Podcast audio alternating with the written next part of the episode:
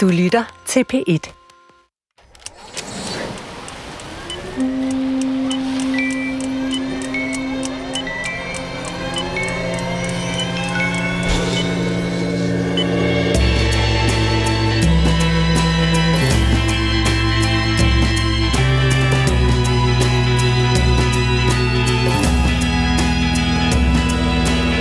Vi møder dem jo overalt, løberne, og jeg har selv løbet. Det er nogle år siden, men jeg mistede simpelthen interessen. Men jeg glemmer ikke de par gange, hvor jeg kom gennem muren, hvor min krop gik fra at protestere til slet ikke at kunne få nok, hvor den så at sige begyndte at løbe af med mig, og hvor jeg til sidst måtte tvinge den til at stoppe, tvinge den ned fra sit trip. Så det ikke er mangel på forståelse for løberusen, at jeg er lidt skeptisk over for ekstremsport. Det er mere en forundring over, at man vælger at bruge så meget tid på at slå en eller anden vild rekord. Tid, som kunne have været brugt på så meget andet. Så da jeg hørte Morten Runges optagelser til den historie, du nu også kan høre oven i købet over to afsnit, og som vi har givet titlen Jernmanden, var jeg først lidt skeptisk, men endte så med at leve mig ind i alt løberiet, men ikke nok med det, også svømningen og cyklingen, i en af de mest uforståelige sportsgrene, jeg kender, nemlig en tredobbelt jernmand, Triple Ironman. Og indrømme, det har ikke været kedeligt at være med til at lave Morten Runges historie om jernmanden Michael Plans forsøg på at blive verdensmester. Jeg hedder Torben Brandt. Velkommen i Ekstremsportens verden. Nu også i radiofortællinger. Jernmanden. Kapitel 1 af 2 kan starte. God lytning. Jeg har fire mennesker på vej til, til Østrig nu her, som sidder i Det er os. Mesterskaberne foregår i Østrig. Så er vi på vej til Østrig. VM i tredobbelt Ironman. Så, så jeg gætter på, at det der med ferieafslappning, det er ikke noget, der er lagt ind i din kalender. Og det er jo sådan 25 timer om ugen det første halvanden år øh, med fuldtidsarbejde. Hvordan har crewet det her?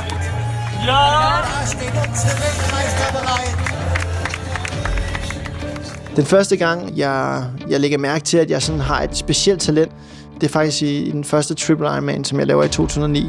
Og der kan jeg huske, at efter jeg har svømmet de 11,4 km, cyklet de 540 km, og er i gang med at løbe de 126 km, der kommer Emmanuel Conro, som er tidligere verdensmester på 3 Double Ironman, løbende imod mig, fordi han er ude på den sidste runde. Og han stopper så op foran mig. Og jeg på det tidspunkt stopper så også op og tænker, okay, øh, hvorfor gør han det?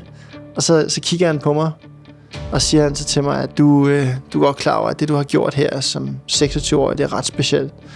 Prøv at høre, hvis du bliver ved på den her måde her, så bliver du den næste verdensmester. You will be the next world champion. Og der kan jeg bare huske, at han sagde det, så var jeg sådan helt, oh, det kunne jeg slet ikke overskue i mit hoved lige nu her, tankemæssigt eller noget som helst.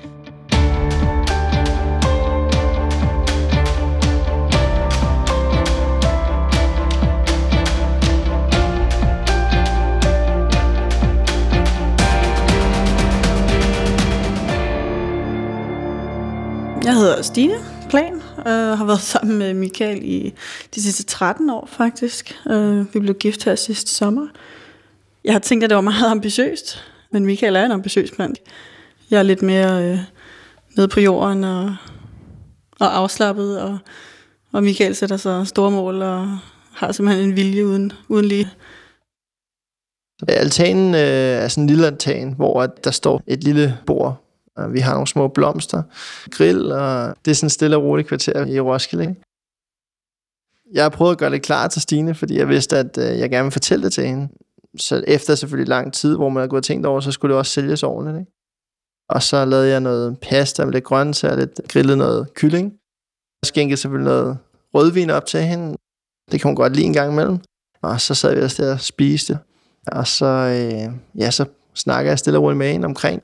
Det er også fordi, jeg ved, hvad hendes drøm er. Jeg har jo som sagt kendt Michael i mange år, så vi har været det igennem før. Tilbage i 09, hvor jeg jo også var ved hans side. Øh, jeg vidste godt, at det ikke er noget, man bare lige gør. Ja. Så var han jo faktisk også gået i gang med at læse til fysioterapeut. Øh, Og det er jo en uddannelse, der tager de der 3,5 år. Øh, så, så der var jeg ligesom indstillet på, at jamen, nu skal du have den her uddannelse i hus, og så kan vi begynde en, en familie bagefter. Jeg har været klar til børn i en længere periode, øh, men samtidig nød jeg også at, at bare være, være ham og mig og have den frihed, som det jo også ligesom gav ikke at have børn endnu, ikke? Så det var sådan lidt, øh, lidt ambivalent, ja. Men jeg kunne godt mærke, at jeg var ved at være der, ikke? Så kommer vi frem til, at vi laver den plan, der hedder, at øh, to år fra nu, så går vi efter, at jeg forhåbentlig er blevet verdensmester, og vi har fået en lille unge. Men at det skal passe sammen, sådan at barnet først kommer efter VM selvfølgelig. Ikke, ikke lige oveni, det vil være rimelig kaotisk. Ikke? Så Og hermed er der altså givet grønt lys for, at Michael Plan kan tage fat på to års træning til verdensmesterskabet i tredobbelt Ironman, og som til sin tid slutter med et tredobbelt maratonløb, 126 km, men først efter at have gennemført 11,4 km svømning og cykeletappen på 540 km. Discipliner, som hver kræver deres udstyr og fysik. en normal træningsdag. Jeg står op klokken 3. Selvfølgelig er det mørkt, så man skal lige motivere sig selv til lige at komme i gang og gå herud til køkkenet. Så tager jeg lige sådan en tablet, og så har jeg så altid en halv liter flaske vand stående, og så roser den ud i vandet, og så får jeg faktisk al min energi og elektrolytter, altså salt og mineraler. Ikke? Det, jeg har svedt ud om natten, det får jeg så ind igen. Det er energi, som jeg skal bruge til at komme i gang med dagen. Ikke? Så er jeg klar, så har jeg ikke lyst til at gå ind i seng igen, fordi så er kroppen ligesom op og køre. Ikke? Så går jeg ind og henter mit cykeltøj, som hænger inde på stativet i mit lille øh, tøjrum gået i køkkenet med cykelskoene og så videre, stiller dem på vores flisegulv. Jeg skal helst ikke øh, komme til at træde med sko inde på vores trægulv. Jeg har sådan en taske klar også altid, hvor jeg skal have mine ting med. Det kan for eksempel være ekstra drikkedunk, som ikke kan stå på cyklen. Når jeg skal ud og cykle 8 timer for eksempel nu her, så kan jeg jo ikke have plads til 8 drikkedunk. Og så har jeg øh, en lille lappegrejs dunk med, og så har jeg øh, nogle slanger med. Og så lukker jeg for min cykelhjelm, og så tænder jeg for alle mine lygter på både cykelhjelmen og på min cykel på min taske også. Jeg har en masse lygter siddende, så folk kan se mig. Ikke? Jeg cykler altid med musik. Det er lidt farligt, men det gør jeg. Og så, øh, jeg kan godt lide at høre podcast. Så snakker de jo en hel masse, og så bliver man ekstra inspireret af det, når man sådan ligger derude. Ikke?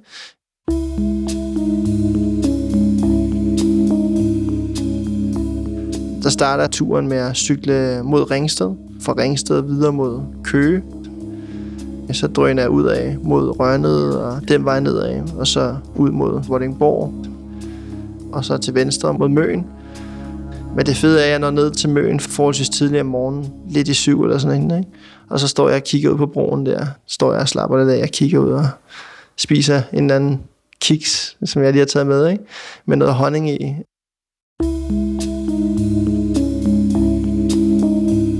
Og så kører jeg mod Vordingborg igen, øh, Næstved, Sorø også, og så tilbage op mod Ringsted og så videre rundt. Der er mange forskellige veje, jeg slynger ned af. Markveje, og, som jeg, jeg er rundt i. Ikke?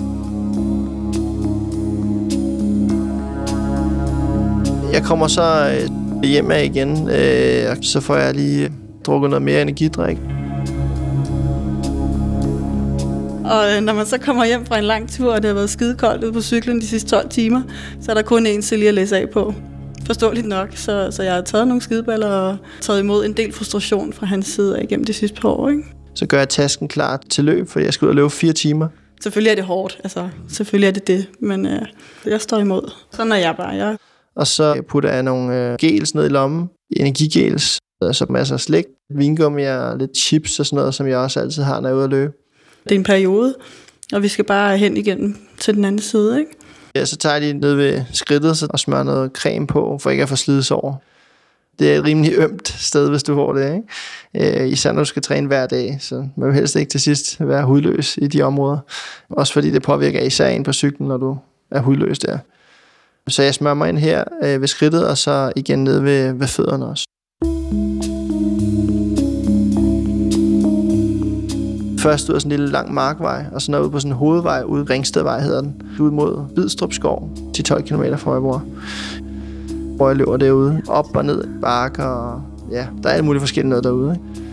Så det er super fedt at få trænet det hele. Også fordi det er forholdsvis blødt underlag, så det er ikke noget, der belaster overdrevet meget. Og her kommer Michael løbende. Han har ikke sovet i 40 timer. Han har cyklet 12 timer og nu lige ved at komme hjem fra 6 timers løb. 18 timers træningsdag. Hej skat. Hej. Er du sej? Ja.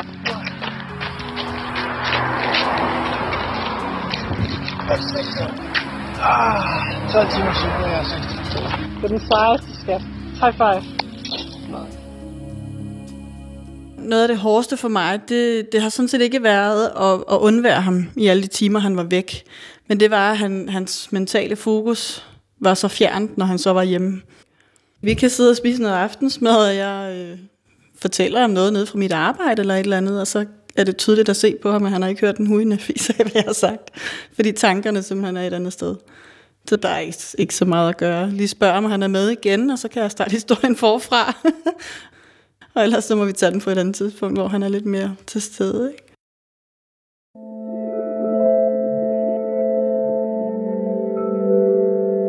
Jamen, altså, da jeg er cirka 5-6 år gammel, der kan jeg huske en sommerdag, at både min storebror og jeg, vi får en cykel hver. Jeg får så en gul cykel af min far, som jeg bliver rigtig glad for, fordi min far han er tidligere cykelrytter. Derfor var det jo ligesom en følelse af, at det er noget specielt, når det kommer fra ham. Ikke? Og han viser og forklarer, hvordan vi håndterer sådan en cykel. Ikke? Og jeg kan huske, at han så siger til mig, at jeg skal spurte ned til vejen til enden der, ikke? og så komme tilbage igen og spurte alt, hvad jeg kan. Ikke? Fordi det min far, han er exceptionelt god til, da han var cykelrytter, det var de her skiltespurter.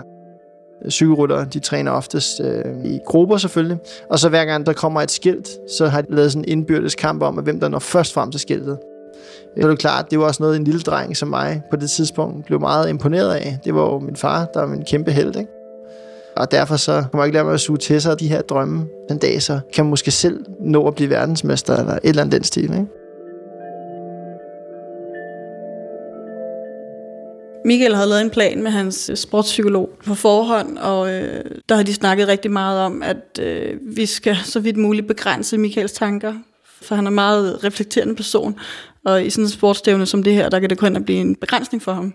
Så vi skulle holde rigtig meget fokus på, øh, hvordan har kroppen det, altså de lidt mere sådan objektive øh, ting. Øh, så hvordan, hvordan er dit pace, hvordan har benene det, øh, i stedet for hvordan føler du det går, og altså, så skulle det være mere kort og, og præcist.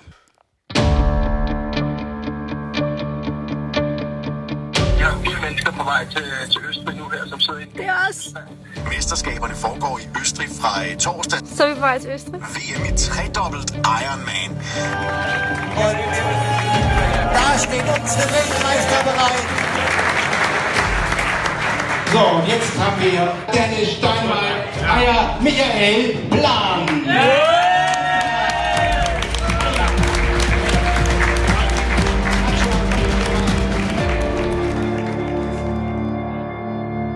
Selve stævnet dernede øh, foregår i en by, der hedder Bad Blumau i Østrig, på et hotel.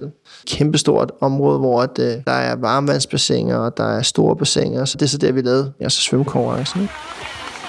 Jeg hopper ned i vandet lige for at svømme, bare lige hen til banen, der, hvor jeg starter. Og så kan jeg ligesom få en vandføling i mærke efter i kroppen. Sådan. Det er fredag, lige over middag i 13-tiden, er verdensmesterskabet i tredobbelt Ironman, tredobbelt jernmand sættes i gang. Og de mange deltagere har maks 55 timer frem til søndag kl. 20 at gennemføre i. Der er jo tre personer, mig og Richard Jung, og så øh, Andy Six. Vi var sige det som de tre hurtigste svømmer, ikke? Der er ikke øh, tribuner, men, men de kan stå på kanten hele vejen rundt om. Og helt foran bassinet, der sidder så sådan nogle dommer, som så sidder øh, og tæller baner. Richard Jung har de sidste par år domineret ultratriathlon-verdenen, ikke? Både på dobbelt og triple Ironman. På triple Ironman har han vundet øh, de sidste 3-4 år i træk, øh, og VM to gange også. Han øh, er nok omkring 1,82 høj. Har sådan noget lidt brunligt hår, der sådan hænger lidt ned. Og så øh, har han nogle gange lidt skægstubber. Han er på min alder, 35 år. Men ser sådan en lille smule mere herud. Lidt mere anderledes type. Han er også lidt mere friere i sin træningsform og sin, sin måde at arbejde på. Og så skal vi til at starte, ikke? Og jeg kan mærke, at jeg selvfølgelig er pænt nervøs. Men også, at jeg er klar. Min krop føler sig klar og udvilet. Start, Inden startskuddet går i gang, så sidder vi der, eller står der og venter nede i bassinet ved kanten. Og så kan jeg se, at de snakker sammen med Andy Six og Richard Jung, og jeg snakker ikke med dem, fordi jeg vil helst gerne sådan ligesom være væk fra kammerateri her inden start. Ikke? Jeg er fokus på, jeg vil jo gerne vinde, ikke? så de skal jo helst ikke vide, hvem jeg er.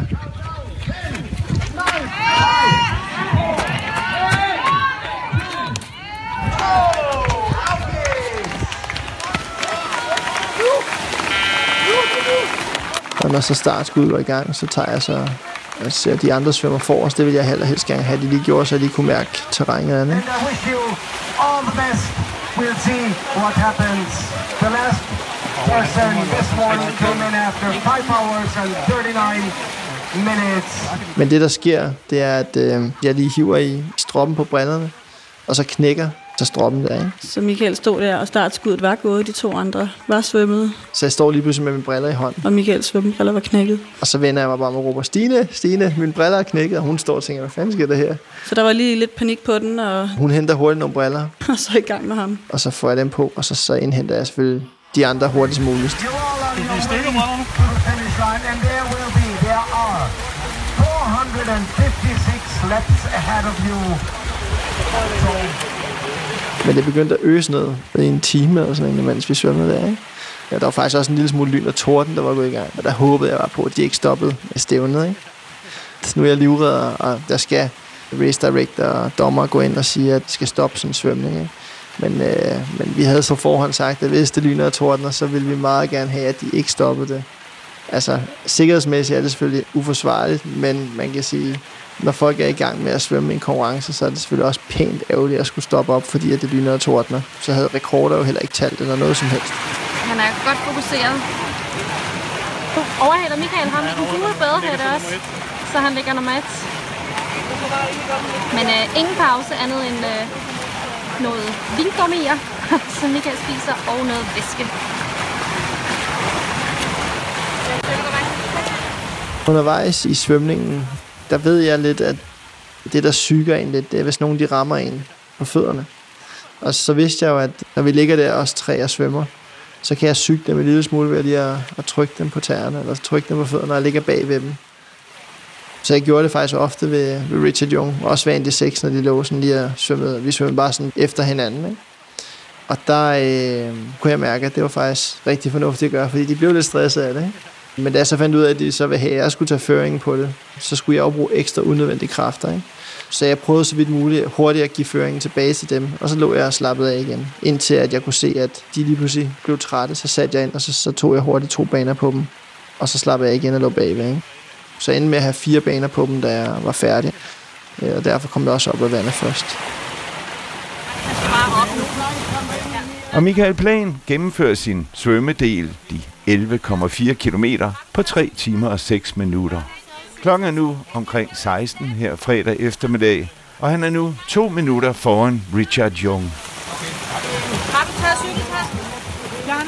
Og når jeg kommer op af vandet, så løber jeg ind over den, hvad kan man sige, øh, cykelskiftezone, som der er, og så hopper jeg ind i det rum, hvor at vi kan få lov til at skifte tøj, især fordi der øser så meget ned, som det gør. Der tager det selvfølgelig lidt tid, fordi at, øh, at jeg skal have smurt creme på fødder, og igen i skridtet, og alle de her forskellige ting øh, med tøj på, og alt hvad jeg kan få på. Det er sådan en træskuragtigt noget, hvor der er ikke nogen dør i. Og der er kun plads til to personer max, så det, man skal virkelig være hurtig op for at få plads derinde, kan man sige. Det var jeg så også den første, ikke? Så lige pludselig ser jeg så, at Richard Jung, han kommer op af vandet, og han farer selvfølgelig også ind i, i det her skur her. Så vi stod jo side om side og skiftede tøj. Så det var ret mærkeligt at stå og kigge på hinanden. Men her står jeg ved siden af ham, jeg øh, virkelig, virkelig gerne vil slå, ikke? Altså den store konkurrent, ikke? Men han er faktisk hurtigere om at skifte tøj, end jeg er. Den del havde jeg ikke trænet så meget. Jeg tænkte ikke, det ville være relevant på en ultra triple Ironman.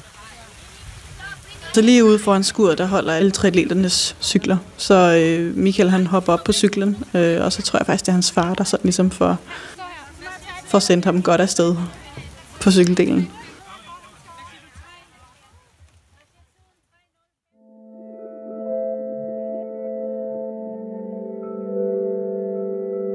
Jamen altså, da jeg er cirka 11 år gammel, og min far, øh, han sagde til mig og min storebror, at øh, hey, I skal vide, at der er faktisk et 5 km løb hernede i Snarup. Kunne det ikke være noget for jer? Så stod vi der og kiggede, og jeg tænkte, okay, det kunne godt være meget sjovt at prøve at løbe sådan en 5 km løb. Men så skal jeg jo løbe alt, hvad jeg kan, for jeg vil gerne prøve at vise, at jeg kan, kan vinde, ikke? Vi kommer så ned til, øh, til startstregen. Jeg vil gerne vise, at jeg sådan, i hvert fald kan gøre alt, hvad jeg kan for at vinde det her 5 km løb. For det er første gang, min far han ser mig, og selvfølgelig skal han se mig vinde. Og så stiller vi os ned forrest øh, i feltet. Øh, og jeg kigger sådan lidt tilbage, og jeg kan se, at der er rigtig mange mennesker i det her felt. Ikke? 100-200 stykker eller sådan noget. Det er ikke til at se, når jeg er så lille. Og så... Øh, og lige pludselig så går startskuddet. Og så er jeg ellers bare afsted. Jeg løber alt, hvad jeg kan. Jeg tænker, 5 km, det, det skal jeg nok kunne gøre. Fuld knald fremad. Og jeg kigger slet ikke tilbage. Vi drejer ned ad første sving, og så i næste sving, hvor det er inde på sådan en cykelsti. Og så løber jeg ellers bare fuld knald frem, og jeg kan kun se én person foran mig. Og det er sådan en voksen mand, der løber afsted alt, hvad han kan. Og han begynder sådan at kigge tilbage. Øh, og jeg løber der og tænker, ham skal jeg nok tage, ham skal jeg nok tage. Og så lige pludselig kigger jeg tilbage, og så kan jeg så se, at der er ingen mennesker overhovedet. Så jeg er simpelthen alene sammen med ham her, og så tænker jeg, det var da ekstremt vildt, der ikke er nogen andre, der, der løber med her. Jeg tror, vi når frem til cirka 2 km. Så ser jeg så, at der står sådan en mand med sådan et, øh, et flag og vinker os øh, videre den her vej, så jeg kan se, at vi er på rette vej. Men lige efter han vinker os den her vej, der er gået 2 km, så begynder jeg kan mærke, at det brænder i hele min krop. Fuldkommen. Altså i lungerne, og jeg begynder at gispe efter vejret, og jeg kan mærke, at mine ben de begynder så småt at, at blive tungere og tungere, og jeg tænker, at det her det var utroligt. Hvorfor gør det så ondt? Det havde jeg aldrig nogensinde prøvet før. Og så tænker jeg bare, at det her det er forfærdeligt. Jeg kan slet ikke overskue, at nu skal jeg, nu skal jeg tabe det her. Jeg var lige ved at vende det, tænker jeg. Og så lægger jeg mig ned i en grøft, og jeg storgræder, fordi det gør så ondt i hele min krop. Efter, jeg tror, der er gået tre minutter eller sådan noget, så begynder der så småt at komme nogen. Øh, og jeg ligger der og græder, og folk kigger meget mærkeligt på sådan en 11-årig knæk, der ligger og græder nede i grøften. Ikke? Indtil min storebror, han så kommer forbi og så, så stopper han så op. Hej Michael, ej, altså er du okay? Og virkelig prøver at tage fat i mig og sige, skal jeg gå med dig? Nej, nej, nej, jeg, jeg bliver liggende her, sagde jeg bare. Jeg vil ikke mere, så du skal bare løbe videre. Og han løb så videre. Men ja, jeg rejste mig op og gik så de der 500 meter over til ham med manden med, med flaget i hånden. Og så sagde han, hvad skete der med dig? Du, du forsvandt lige pludselig. Så siger jeg, ja, jeg kunne ikke mere, det gjorde det hele kroppen. Så siger han så, ja, men prøv at høre, du løb fem år stærkt. og hvor gammel er du? Han var meget imponeret. Jeg sagde, jeg var 11 år gammel. Okay, hold da op.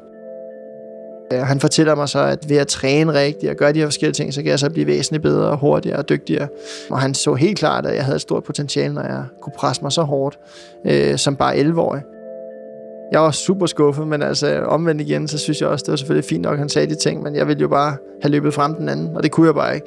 Så da vi kom tilbage til målstregen, så stod min far derop, og han grinede bare af mig og sagde, ja ja, det er godt, vi kan, du giver den gas.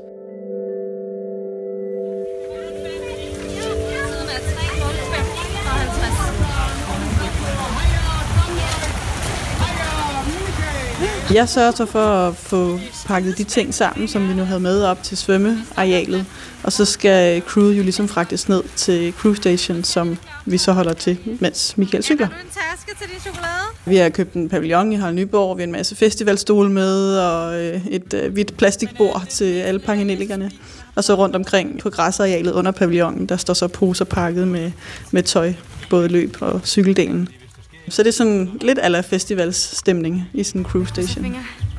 Øh, og så har vi været ude i supermarkederne og købe postevand.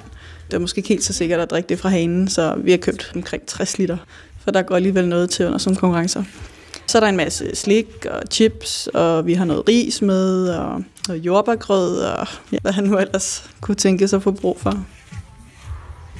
Da Michael han starter ud på cykeldelen, så går mig og Mona i gang. Vi har, Michael har lavet sådan et ret fint schema til os i forhold til, hvornår han skal have hvad under cykeldelen.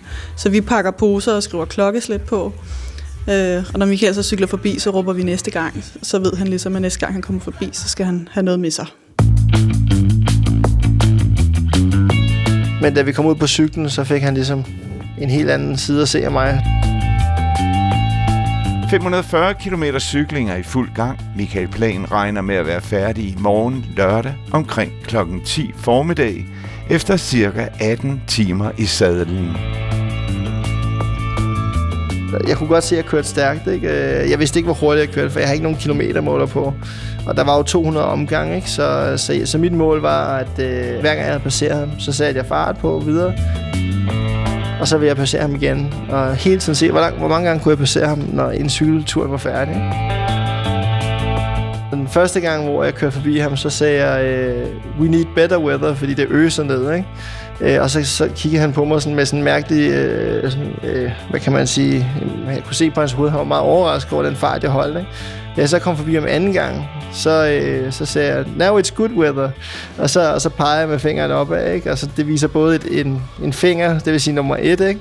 Og så peger jeg opad for ligesom at, at vise os det godt vejr selvfølgelig. Ikke? Så jeg cyklede ham en lille smule, så smilte han sådan lidt, sådan, du ved, sådan lidt vagt med munden, kunne man godt se sådan, øh, ikke? Altså, prøvede at syge ham lidt, men også øh, være en, en sportsmand og sige hej og sådan noget. Ikke? Så jeg havde jo stor respekt for ham også, helt klart, for jeg vidste jo godt, hvad han, hvad han stod for. Ikke? Da jeg så kom forbi ham tredje gang, så sagde jeg til ham, øh, You're doing very good, Richard. Og så kørte jeg videre, ikke? Og så hele tiden prøvede jeg ligesom at gøre nogle ting for, for at syge ham en lille smule, ikke? Og det er fjerde gang, og femte gang, og sjette gang, og til sidst jeg kunne se, at han rystede på hovedet mange gange, ikke? Og da jeg kom forbi ham tiende gang, der var han helt sådan, uh, han kunne slet ikke øh, forstå det overhovedet, vel? Og 12. gang og 13. gang. Jeg kørte forbi ham 14 gange, ikke? Så fik han ligesom set, hvem jeg var.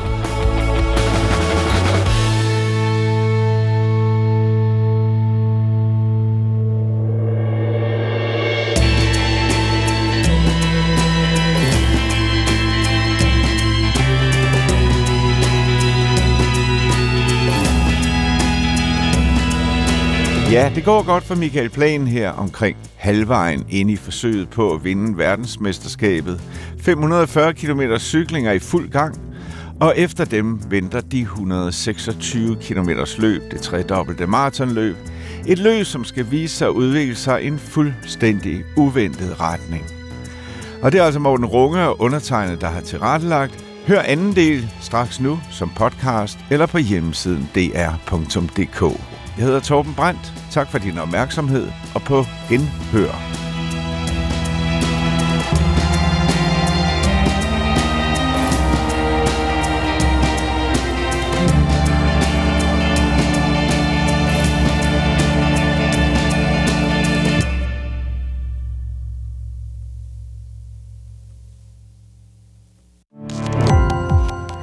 På opdagelse i alle DR's podcast og radioprogrammer. I appen DR Lyd.